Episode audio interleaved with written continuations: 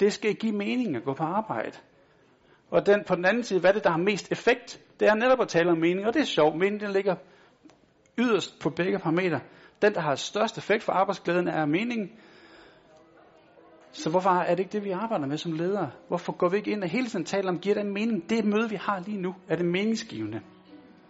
Meningsfuldhed er brudt ned på den her måde. Det skal give mening i organisationen, i jobbet, i opgaverne, i interaktionerne. Meningsfuldt arbejde er transcenderende, gribende, intenst, episodisk og personligt.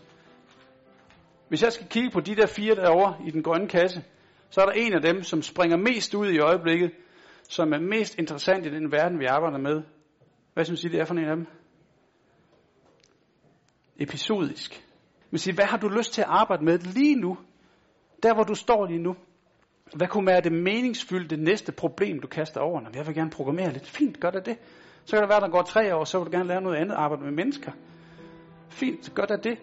Det viser sig, at meningsfyldt arbejde er episodisk. Så det at komme, der er at tro og stille illusorisk over for sine børn, det der med at sige, I skal bare vide, hvad I skal, når I bliver store. Glem det, fordi sådan hænger verden ikke sammen.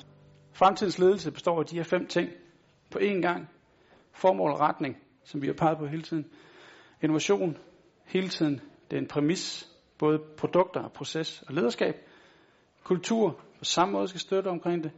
Organisering er noget, vi gør, ikke noget, vi er, og lederskabet skal genopfindes.